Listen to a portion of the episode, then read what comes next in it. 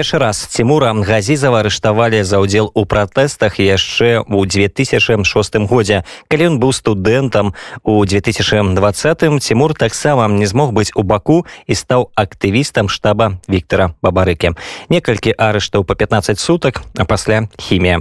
Гэта цана якую ён заплаціў за прагу быць шчырым і справядлівым. Зараз Тимур жыве ў вымушанай эміграцыі і не шкадуе аб тым, што страціў уласны бізнес і радзі яму шчыры смелы Тимур газізаў у праграме неверагодная.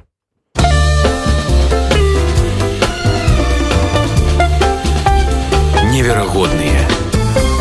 Я Тимур из Минска. Я был предпринимателем, ну, лет 15 своей жизни, да, последним. То есть я в нашей стране пытался заниматься тем, что мне по душе. Это была сфера ивентов, сфера рекламы. Мы занимались обслуживанием мероприятий, конференций, фестивалей, выставок, делали собственные проекты, творческие и другие. Скажу так, это все очень нелегко, были очень интересные, классные проекты, были сложные проекты. Все это время, пока я занимался бизнесом в Беларуси, то есть ситуация в стране, она всегда шла рядом, ну, я имею в виду взаимоотношений там, государства, бизнеса и так далее, рядом, и как предприниматель все равно я чувствовал какую-то, ну, такую ущербность небольшую, то есть к тому, что ты делаешь. Ты пытаешься, стараешься, делаешь, то есть пытаешься что-то реализовать, но вечные вопросы в плане отношения, налоговых, э, невозможность э, найти хорошие, удобные э, средства, то есть инвестиции и так далее, то есть все как бы на своих плечах, все на собственном энтузиазме, со своими особенностями и сложностями. Но все равно, то есть я очень люблю свое дело, то есть я им как бы искренне занимался, те проекты, которые реализовывал, то есть я ими горжусь. Ну, все было бы так, у меня уже была семья, ребенок, я как бы жил семейной жизнью, и да, в моей жизни после студенчества, на последнем году студенчества была история, это был еще далекий 2006 год. Я видел предвыборную кампанию, тех лет я видел, что происходило. Тогда была огромная активность, тогда было много разных э, моментов, которые даже сейчас отражаются и были подобным образом. Тогда они уже вот сейчас даже для меня в голове повторяются. И тогда тоже я не смог смотреть спокойно на то, что происходит. И когда начался палаточный городок уже после выборов в марте, подходил, я смотрел, я на это все как бы переживал за все, что происходит, то есть пытался участвовать, но тогда я еще был студентом, который не мог серьезно смотреть на какие-то моменты моменты. Но уже тогда вот были все повторяющиеся, как сейчас, моменты, когда ты видишь, что вокруг неправда, ложь, несправедливость, а, какие-то репрессии и так далее, а ты внутри этого чувствуешь себя, и ты видишь это своими глазами, а тебе пытаются сказать совершенно, ну, то есть пропаганда и так далее, говорить совершенно другое. Вот. И в последний день тех событий, то есть 26 марта, я остался в палаточном городке, то есть стал в ту цепь, которая тогда стояла ночами, то есть когда охрана была этого палаточного города. И именно в эту ночь произошли задержания, то есть я оказался среди тех, кого задержали. Меня осудили на 10 суток. Крестина, сразу же Жодина. То есть все повторя... вот, повторялось многое, то, как было в тех событиях августовских или всего, что происходит сейчас. Суд произошел тогда за три минуты, вот, то есть мне не дали ни слова, ни адвоката, ничего. Но я говорю, я тогда был студентом. Но после этого были ну, очень крутые моменты, когда Жодин я оказался в камере с уже тогда с классными людьми. Один среди них был Максим Знак. Он уже тогда был тоже молодым как бы юристом, э, который шел по стопам отца, э, семьи. И он тогда уже прям был супер как бы человеком с супер качествами. Плюс в камере были предприниматель, был работник тракторного завода, который на это все смотрел с такими тоже глазами сумасшедшими. Был один парнишка-анархист, э, но анархист тоже с очень широким взглядом на мир. Человек придумывал моментально в камере игры настольные, и мы в них играли, потому что он был в этом эксперт, то есть он тоже фанател, несмотря на то, что там считают анархистов непонятно кем, это был человек просто широким взглядом. Прошло 7 дней, по-моему, мы супер ознакомились, то есть много чего осознали тоже для себя. Я пропустил юбилей мамы, вышел с пониманием для себя, что да, то есть сложная жизнь в государстве, в котором справедливость интерпретируется по-своему. После этого я уже больше пошел ну, в жизнь, в личную жизнь, в работу, в карьеру и так далее. Но сейчас когда началась история 19 года, ну, ковида и всего остального, то есть, ну, 20 года, начала весны 20 года, я не смог смотреть изначально на то, что государство полностью проигнорировало бизнес, предпринимателей, огромное количество сфер, просто остались брошенными государством на фоне ковида. Ну, дальше к этому, конечно же, в принципе, сама история ковида, то есть то, того, что раскрывается статистика и так далее, не хочется этого всего повторять. Каждый из нас это прошел боль как бы на себе. И, ну, то есть я подключался как волонтер к байковиду, возили материалы, ездили по врачам, ездили по... То есть это вот на себе, да, воду развозили. Потом, уже ближе, когда началась предвыборная кампания, я понял, что ну,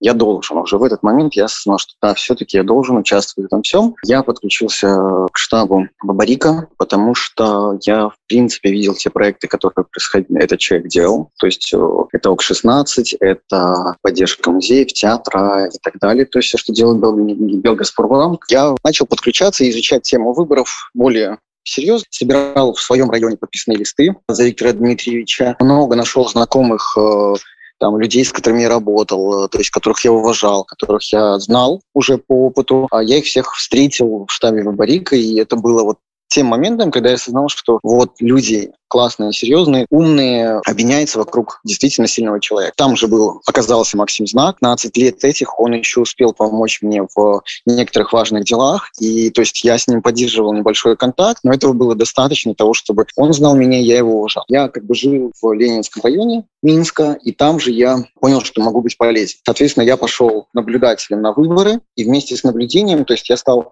ну, изучив уже подробнее э, законодательство, я понял, что нужно помогать людям, там, консультировать, давать какие-то там советы или какие-то моменты, как, как лучше участвовать в этой кампании. Хотя страх уже тогда был, конечно же, да, и все люди как бы были, но была какая-то уверенность, что мы можем хотя бы на своем месте, в своем этом районе, да, делать какие-то важные вещи. Мы объединились в какие-то группы, чаты по маленьким округам, по маленьким районам, и условно, ну, то есть своим микрорайонам, да, дальше. И, соответственно, там могли коммуницировать о том, как можно доказывать вот эти все несправедливости, все обманы, которые были, происходили на выборах. А мы команда Ленинского района, ну, то есть сделали хороший отчет по тому, как, какие были нарушения. То есть мы писали огромное количество заявлений мы о расхождениях результатах, о том, что все неправильно, о невывешенных э, протоколах. Ну, то есть это все уже проговорено много раз многими, но для меня это тоже там личная тема. Старались, то есть поддерживать людей на то, чтобы не было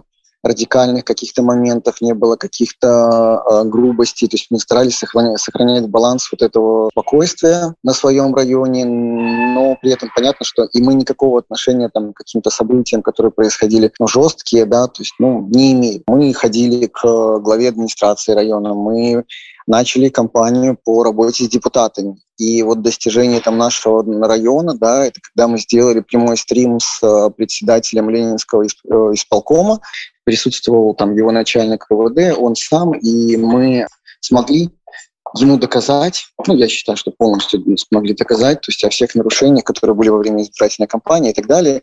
Последняя фраза его в разговоре была о том, что, ну, я вас всех запомню, то есть я запомню то, что вы как бы мне тут наговорили, но и вас я тоже всех запомню. То есть, ну, это так за... врезалось в голову и у многих. И на самом деле, да, то есть многие люди, которые были на той и той же встрече, они сейчас, ну, где-то там частично репрессированы. Первый раз меня задержали в январе 2021 года. А, мне сразу дали понять, что что ты ходишь по депутатам, чего ты ходишь типа по того, что что, что ты вот трогаешь эти органы. И каким-то чудом Глубопик э, тот же, то есть сотрудники Глубопик, смогли со мной разговаривать. То есть они меня даже слушали. Может быть, они там пытались вывести меня на какой-то диалог, который я им расскажу, какие-то хитрости, секреты и так далее, но при этом они соглашались с тем, что их руководитель, э, который разбивает окна в кафе, да, он как бы ведет себя неадекватно, он придурок. То есть они вот прям чуть ли не прямым текстом это говорили. Они говорили о том, что да, они понимают, что много беззакония. Они это понимают, но сделать они ничего не хотят и не будут. Меня избежало насилие, которое было. Хотя 72 часа потом в кресте на это уже как пытка. Дальше я случайно пригласили на мероприятие, которое проводилось просто для того, чтобы показать э, спектакль. Все его помнят. Это «Красный кролик, белый кролик». Это должен был быть показ просто на проекторе в частном месте. Наверное, единственная ошибка, что это место находилось прямо возле здания Губопик. И даже не начавшись мероприятие, меня уже задержали. На суде один и тот же свидетель, мы все в одно время в десятером, то есть во дворике центрального РУВД, мы как бы, в который мы в глаза даже не видели, мы не знаем, как он выглядит, а нам говорят, что именно в этом э, дворике мы девятером в одну и ту же минуту тянули одного и того же сотрудника за рукава. Нас садят на 15 суток. Но перед судом уже один из сотрудников РУВД центрального, он уже как бы дает мне понять, что что-то на меня, наверное, еще есть. Первые 15 суток, разные камеры хорошие, то есть люди на камеру из четырех человек нас было 17 человек, постоянно рисовали, никаких передач, то есть я видел в окно, как брат мне несет передачу, он ее заносит, оставляет, а выходит без передач. Я это вот вижу в окошечке. На следующий день спрашиваю, говорю, а там вроде передача должна была быть. Ну, а мне такие, какая передача? Не, мы ничего не знаем. Когда я выхожу через 15 суток, мне вручают эту передачу с отгрызанными куска, кусками хлеба, которые, то есть, ну, они, видимо, ели, то есть, э, сами, да, решили поесть. Они вручают и заставляют тебя подписать бумагу, что ты ее получил там неделю назад, эту передачу. Самое интересное, что меня отводят в сторону среди других и говорят, вот, молодые люди вас ждут, пройдите с ним.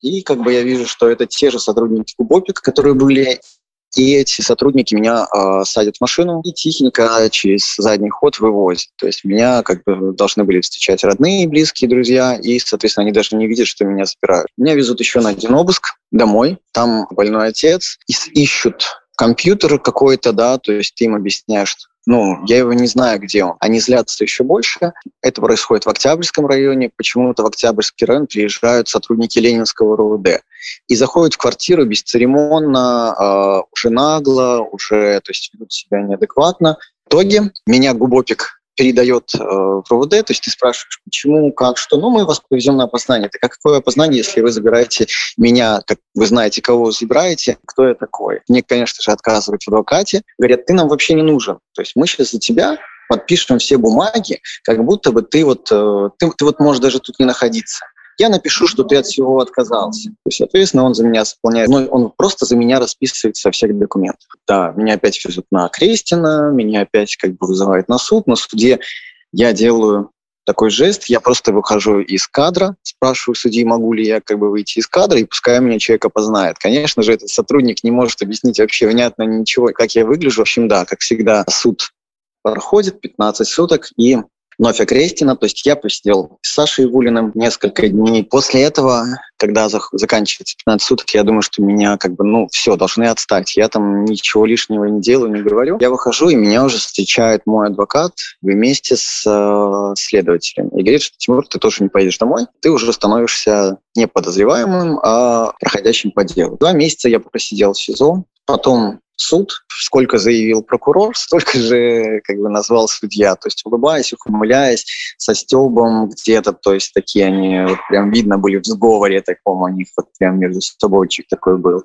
Меня отпустили в зале суда, это было самое счастливое, как бы, что было, потому что, да, я смог увидеть родных, близких, э, семью, друзей. Была апелляция, но к тому моменту, да, я осознавал, что химия — это сложно. То есть ты, ты сделаешь хуже всем. То есть это не та ситуация, как говорят в бизнесе вин-вин. Я как бы понимаю, что да, я должен э, выехать из страны. Это тяжелое решение, конечно же. Мне помогают люди, мне помогают фонды, и я оказываюсь ну, в другой стране. Сейчас как бы я в безопасности, поэтому ни на минуту я не пожалел о том, что происходило и что делать. Меня поддержали, ну, 97% моего окружения поддержали и говорят, что это супер, это классно. Жыве беларусы начай.